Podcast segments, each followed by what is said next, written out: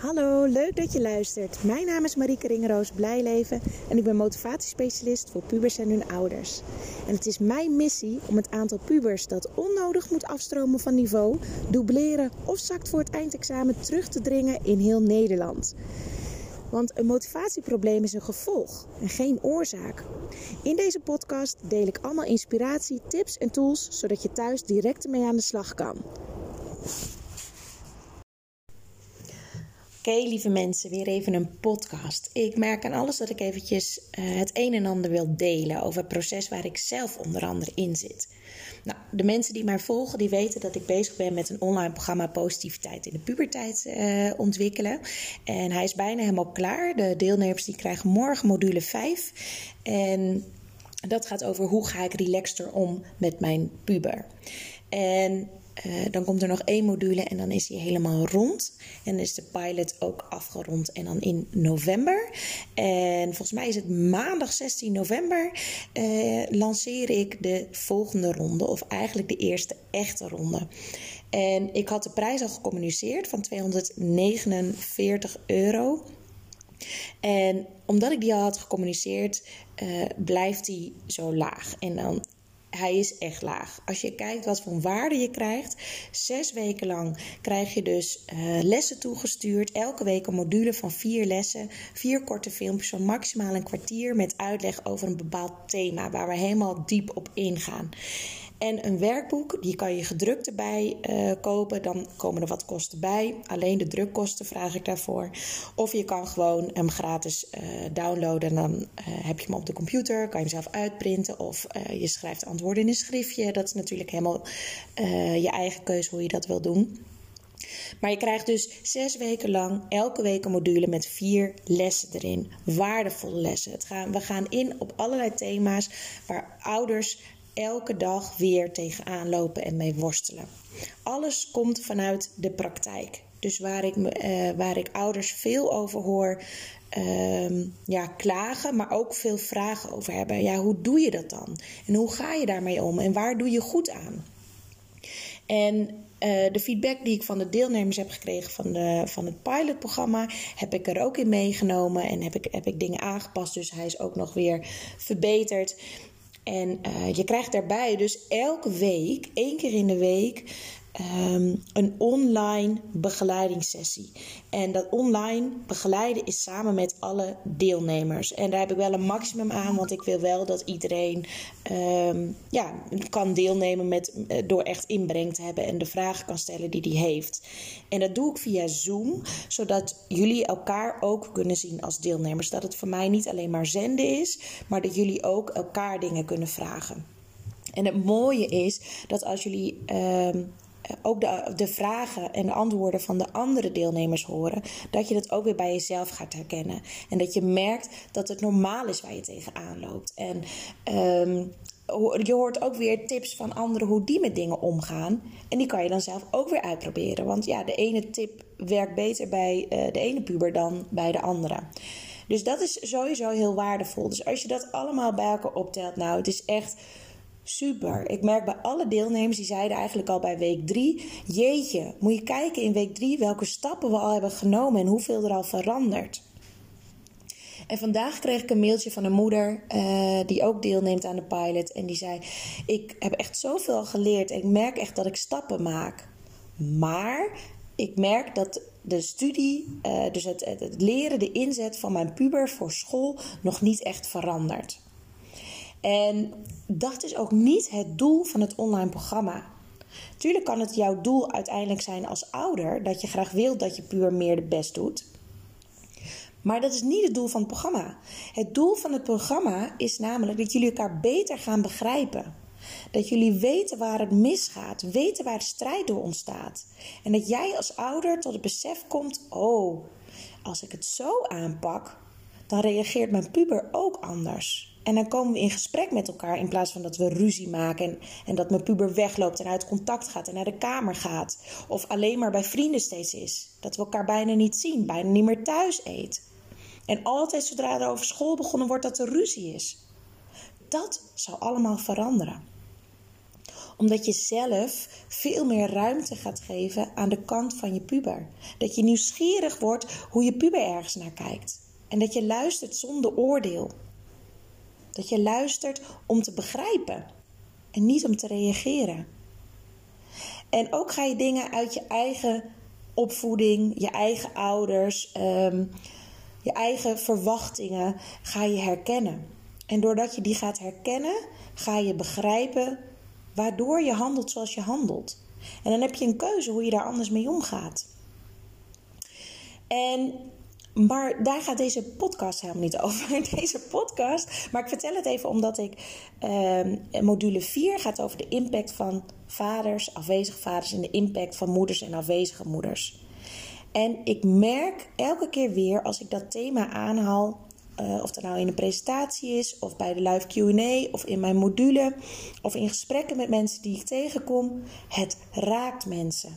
Het gaat over zoveel meer mensen dan ik ooit had verwacht. En zonder dat ik het eigenlijk besefte van tevoren, kwam ik erachter dat het ook over mij ging. En ook over mijn ouders en mijn jeugd. En dat vind ik wel heel interessant om te zien. Want uiteindelijk de impact die uh, vaders en moeders op een kind hebben, gaat voornamelijk over contact. Over het gezien worden er het gevoel hebben dat je ertoe doet. Dat je, um, dat je er mag zijn. Dat je geaccepteerd wordt. Als je dat namelijk voor je gevoel hebt gemist,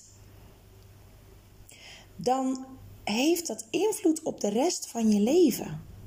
Dat is echt waar. En het mooie is, iemand vertelde mij van ja, ik sta op zich wel relaxed in, in, uh, in welk niveau mijn kind doet. Maar mijn moeder, dus de oma van het kind, die is heel ambitieus en die is heel streberig. En die, die vindt het zonde dat mijn kind van het VWO afstroomt naar de, naar de HAVO. En die, die wil zo dat, je, dat ze alles eruit haalt en, en arts kan worden, en of tandarts of rechter.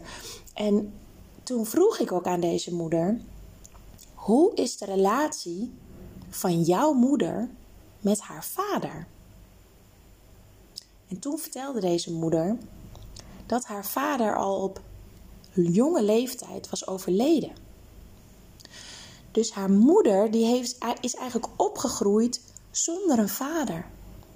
En dat betekent dus dat deze moeder 50% van haar ik als leegte voelt. Die heeft voor 50% geen erkenning gekregen. De 50% van vader. En het is niet dat die vader dat niet heeft gewild die is overleden. Dat is onmacht. En dat is heel belangrijk om te beseffen en om in te zien. Dat het nooit onwil is. Dat het vaker onmacht is. En ook als ze niet zijn overleden, maar gewoon leven. En maar het niet aan jou hebben gegeven als ouder of aan jouw ouders, dan is dat ook onmacht geweest. Dat komt waarschijnlijk weer door hoe de relatie was met hun eigen ouders. En daarmee is het natuurlijk niet opgelost, hè? want ook ik worstel hiermee. Ik vind het ook lastig. Mijn ouders hebben ook allebei uh, hun eigen verleden. Ze zijn allebei op jonge leeftijd uh, hun moeder verloren. Allebei. Mijn vader was twee jaar toen zijn moeder overleed. Mijn moeder was 16 jaar toen haar moeder overleed. Dus je kan je voorstellen dat allebei mijn ouders zijn opgegroeid waarbij 50% van hun ik kwijt was eigenlijk. En dan heeft mijn moeder nog best wel een groot deel van haar leven uh, haar moeder uh, ja, bij zich gehad, maar haar moeder was heel ernstig ziek. En dat heeft ook weer impact. En van je moeder krijg je dus mee hoe je contact maakt met mensen. Hoe je relaties aangaat. Hoe je voor elkaar bent. Hoe je elkaar steunt. Hoe je uh, diepgang in relaties krijgt. Dus je kan je voorstellen dat als mijn vader en moeder uh, hun eigen moeder hebben moeten missen.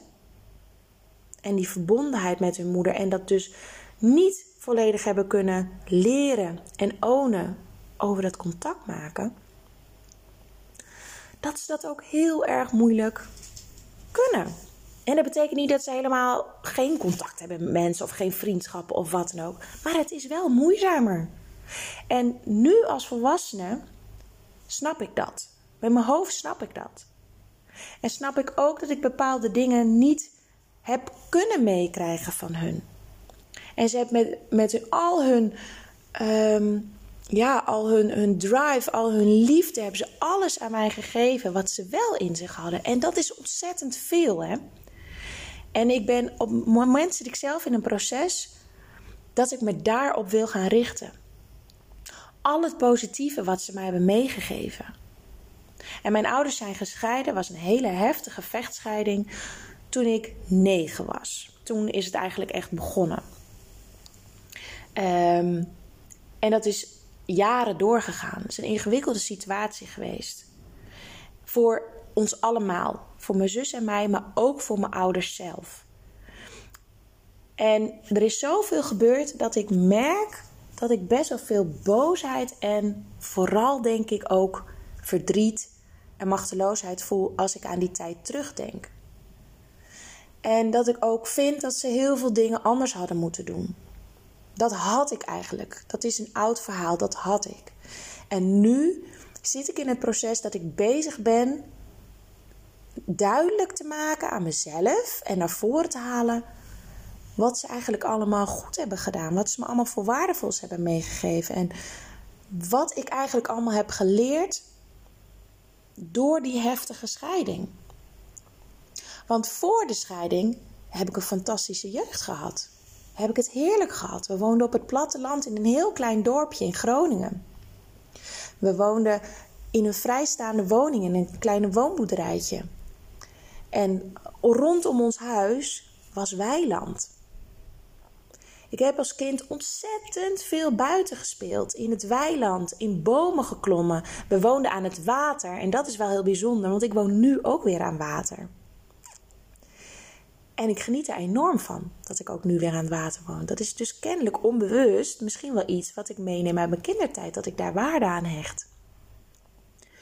En ik heb een fantastische tijd gehad ehm, toen mijn ouders bij elkaar waren en dat we daar woonden. Mijn moeder is ontzettend creatief. Heel veel koekjes gebakken en dergelijke met haar. En ehm, heel veel dingen genaaid. Vroeger heette dat hummelfrummels. Ik weet niet of wij noemen dat. Ik weet niet of het een echt woord is. Maar van die elastieken uh, die je in je haar doet. Van stof gemaakt. En ehm, ja, er kon eigenlijk alles. We hadden eigenlijk, naar mijn idee, helemaal geen grenzen thuis. Er was heel veel mogelijk. Ik deed ook verder geen gekke dingen, dus dat kon ook.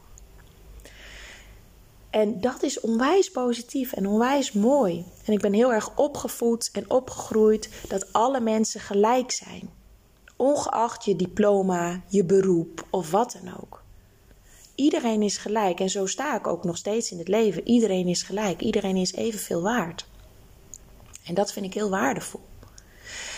En mijn vader die was vooral s'avonds thuis en in de weekenden. En ik kan me herinneren dat hij ons heel vaak in het weekend meenam naar een zwembad met een golfslagbad. En dat vonden mijn zus en ik fantastisch. En met technisch Lego, uh, dat vond ik vroeger fantastisch. Uh, bouwen samen met mijn vader en stoeien. Allemaal dingen die we met elkaar hebben gedaan. Dat we uit eten gingen. Voor mijn gevoel deden we dat elke maand. Maar mijn ouders zeggen, nou dat deden we helemaal niet zo vaak. Maar ik weet het nog heel goed. En dat zijn hele waardevolle, mooie, warme herinneringen die ik heb. En die worden een beetje ondergesneeuwd. Doordat ik eigenlijk veel verdriet, boosheid en machteloosheid heb gevoeld. Jarenlang eigenlijk. Een soort van. Nou, ik weet niet of ik bleef hangen in het verleden, maar het zat me wel in de weg. En nog steeds wel af en toe hoor. En afgelopen maandag hadden we live QA met de deelnemers van mijn pilot. En toen ik met de. Ik deelde een stukje over mijn eigen verleden met hun. En toen ik dat deelde, besefte ik ook, en heb ik ook hardop tegen ze gezegd: bizar eigenlijk.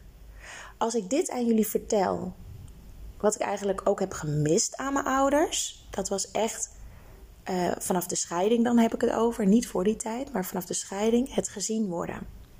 Serieus genomen worden, erkend worden, ertoe doen, mogen zijn wie ik ben. Dat heb ik heel erg gemist. Dat contact eigenlijk. Het echt het contact met elkaar. En wat is nou mijn werk geworden? Ouders en puber weer in contact brengen met elkaar. Die in volledige strijd zitten, elkaar niet begrijpen, alleen maar tegen elkaar kunnen schreeuwen, boos op elkaar kunnen zijn en niet weten hoe ze moeten oplossen. Die help ik door weer met elkaar in verbinding te komen. Een soort pubertolk is mij wel eens gezegd. Je bent een soort pubertolk. Je vertaalt wat mijn kind eigenlijk bedoelt, zodat ik het ook begrijp. En ook andersom. En dat klopt wel. Ik heb nooit zo bij stilgestaan tot afgelopen maandag eigenlijk. Van wauw, dat is wat ik nu doe. Dat is mijn missie, dat is mijn passie. Om te zorgen dat er binnen gezinnen waar geen contact is of weinig contact of negatief contact, weer positiviteit in te brengen. En dat is precies het doel ook van mijn online programma Positiviteit in de Puberteit. Binnen gezinnen de verbinding weer terugbrengen. Elkaar zien, elkaar laten weten dat ze ertoe doen, dat ze het waard zijn. Niet alleen de puber, maar ook de ouder. En jezelf begrijpen als ouder en als puber. Want dat is ook heel waardevol. Hoe vaak ik mezelf al niet begreep. Dat ik dacht, hoe kan dat? Dat ik zo reageer en een ander op een hele andere manier. En langzamerhand, ik ben nu bijna 40, 1 december word ik 40, vallen de puzzelstukjes op hun plek. En ga ik steeds meer positiviteit voelen en liefde voelen. En tuurlijk, het gaat bij mij ook met ups en downs. Maar dit is wel wat ik hier, voor, wat ik hier te doen heb op aarde, naar mijn idee. Ervoor zorgen dat er verbinding komt. En ook vanuit mezelf. Ik wil ook terug in verbinding met mijn vader, met mijn moeder. Ja, met mijn zus heb ik dat eigenlijk al wel. En terug in verbinding bedoel ik mogen zijn wie ik ben en hun laten zijn wie zij zijn. En niet gericht zijn op, oh zie je, doet hij het weer. Vindt, vindt hij weer dat ik iets niet goed doe? Niet op die manier. Maar kunnen zeggen: Oké, pap, het is goed. Jij kijkt er zo tegenaan. We hebben allebei onze eigen kijk erop. En dat is oké. Dus niet bang zijn dat ik gekwetst word. Dat ik niet oké ben. Dat ik er niet toe doe. Dat ik niet kan. Dat ik niet in contact kan met andere mensen. Dat ik daar moeite mee heb. Dat dat een thema is van mij. Nee. Gewoon doen. Wat ik alle gezinnen in mijn praktijk leer en met mijn online programma leer. Dat is wat ik zelf ook wil. Dus hoe mooi is het dat ik het al anderen kan leren. En nu, doordat ik het anderen leer, ook zelf kan toepassen. En dat is precies de fase waar ik op dit moment doorheen ga. Daar wil ik jullie in meenemen. Daar wil ik jullie delen. Want ik weet dat er heel veel ouders zijn die hiermee struggelen. En niet alleen met hun puber, maar ook met hun partner of met hun ex-partner of met hun eigen ouders. En of je ouders nog leven of niet, eigenlijk maakt dat niet heel veel uit in dit proces. Het gaat erom hoe jij als persoon ermee omgaat. En je hebt twee delen in jezelf. Je hebt je ego en je hebt je inner being. En je ego die verstoort de boel nogal regelmatig. En ik herken mijn ego steeds vaker. Het is namelijk mijn ego die vertelt: zie je, ze vinden je niet belangrijk. Of zie je, hij steeg je. Of zie je, je doet het weer niet goed. Of zie je, ben je weer die harde Marieke. Zie je, je bent niet liefdevol. Dat is mijn ego. Terwijl mijn inner being, oftewel mijn pure ik, wie ik echt ben, zonder mijn ego, die weet dat het allemaal bullshit is. Die weet dat ik juist heel liefdevol ben en dat ik verbinding heel belangrijk vind. En dat ik ook heel graag in verbinding wil zijn, ook weer met mijn vader en met mijn moeder. En dat iedereen mag zijn zoals hij is. En dat het meer over mij zegt dan per se over de ander. Ik mag de ander volledig accepteren zoals hij is. En als er dingen gezegd worden door een ander waar ik moeite mee heb, dan mag ik dat bij diegene laten. Dan hoef ik dat niet zelf, dan hoef ik daar niks mee. Dan is dat niet iets van mij. Dan is dat iets van die ander. En dat klinkt zoveel makkelijker dan het is. het is oefenen, oefenen, oefenen, oefenen.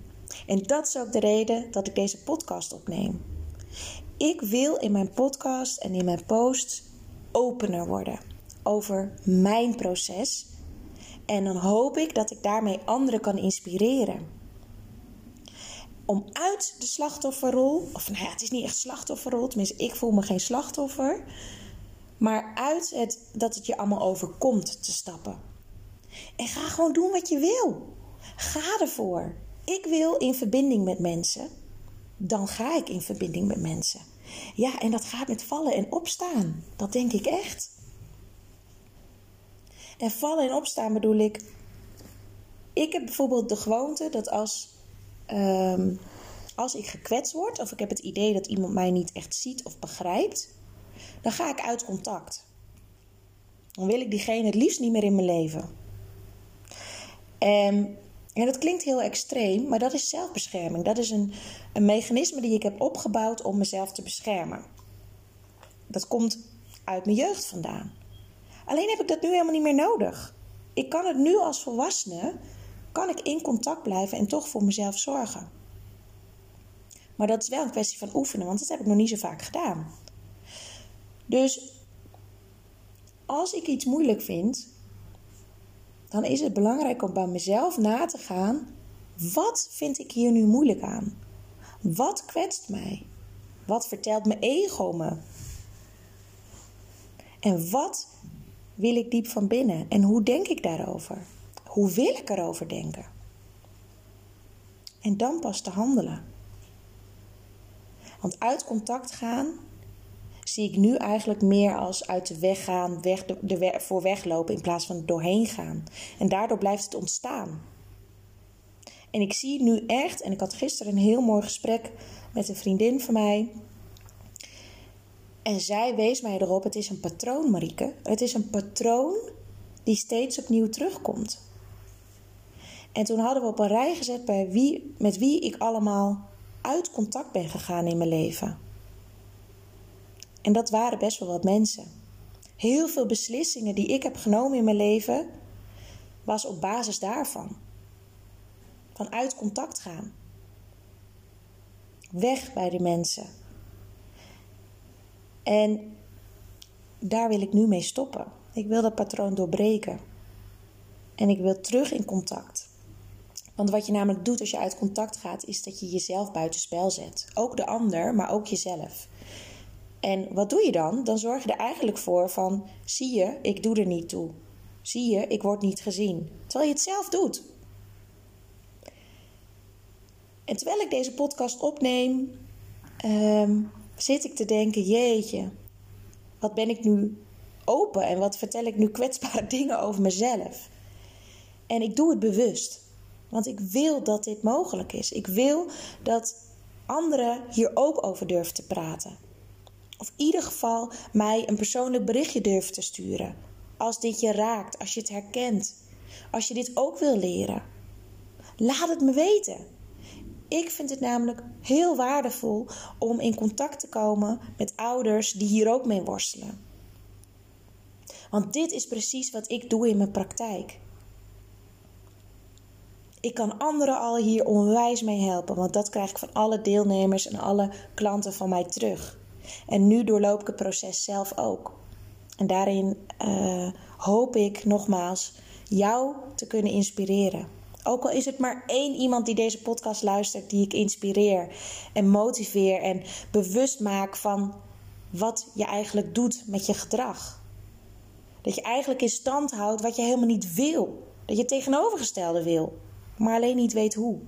Omdat je ego hard roept je beschermingsmechanisme jou wil redden en voorkomen dat je gekwetst wordt. Maar wie zegt dat je dat mechanisme nog steeds nu als volwassene nodig hebt? Misschien is dat helemaal niet meer nodig. Misschien is dat iets van je verleden, wat je als kind had. Ik zou het super tof vinden als je me laat weten dat je deze podcast hebt gehoord en wat je eruit hebt gehaald. Want het is voor mij voor het eerst dat ik zo'n soort podcast opneem. Een hele andere dan andere podcasts van mij. En ik wil heel graag uh, weten of die aankomt bij jou. Of die binnenkomt. En of je er wat mee kan. Let me know. Fijne dag. Bedankt voor het luisteren. Ik hoop dat je er veel informatie, tips en tools uit hebt kunnen halen die je zelf kan toepassen bij jou thuis met je puber. Hoe tof zou het zijn als het lukt om landelijk het aantal onnodige zakkers, dublanten en afstromers terug te dringen? Wil je meehelpen? Deel dan mijn podcast zo vaak mogelijk op social media of mijn berichten en tag mij erin, want ik vind het super tof om te weten wie er luistert naar mijn podcast en wie mijn berichten bekijkt. Ken je een moeder of een vader of een docent die deze informatie ook kan gebruiken? Deel het, want zo zorgen we ervoor dat heel Nederland positiever in de puberteit wordt. Yes, dankjewel.